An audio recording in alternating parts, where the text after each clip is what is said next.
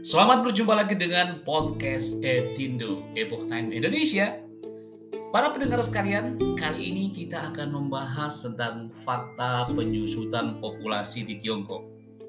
Ulasan ini ditulis oleh Milton Ezrati yang tayang di www.theepochtime.com pada 27 Desember 2021 berjudul Tiongkok alami penyusutan populasi, kekurangan pekerja berdampak pada prospek pertumbuhan. Para pendengar, sensus Tiongkok 2020 akhirnya dirilis. Ia telah membawa Beijing beberapa kabar baik tetapi juga ada yang menakutkan.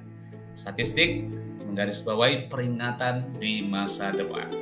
Hasil sensus menunjukkan jumlah populasi Tiongkok sebesar 1,41 miliar, naik 5,4 persen daripada sensus 2010. Pertumbuhan penduduk menunjukkan angka terkecil sejak sensus yang dimulai pada 1950-an di satu sisi ini menunjukkan keberhasilan Tiongkok pada upaya untuk kontrol populasi, tapi melahirkan masalah lain para pemirsa, yaitu penurunan yang tidak proporsional pada angkatan kerja yang dampak panjangnya adalah membatasi laju pembangunan secara keseluruhan.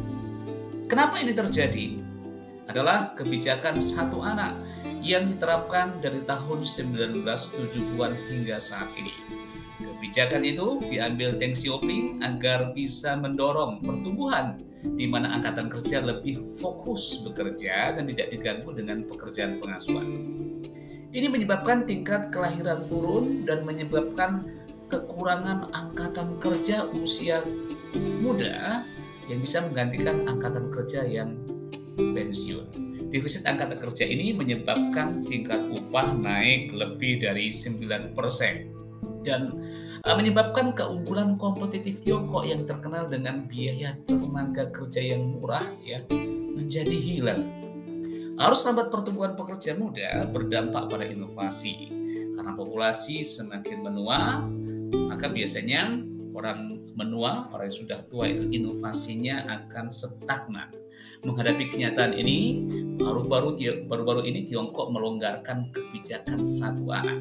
Namun, ini ditanggapi dingin oleh masyarakat. Kenapa bisa begitu?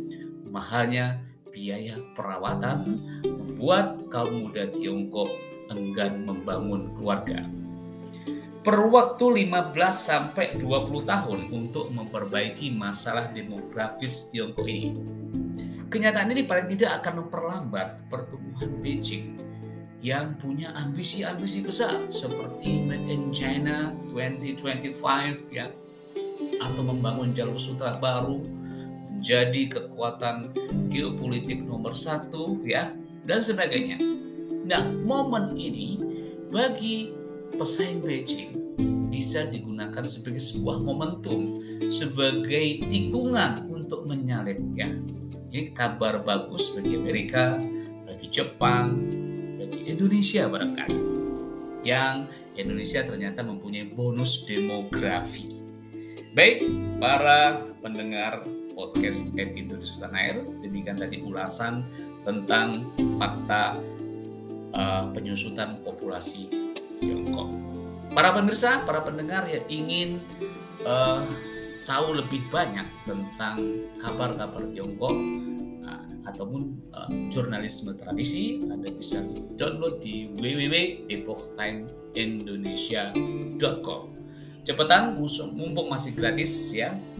Dan jumpa lagi di podcast-podcast selanjutnya. Epoch Time, Fakta dan Tradisi. Sampai jumpa.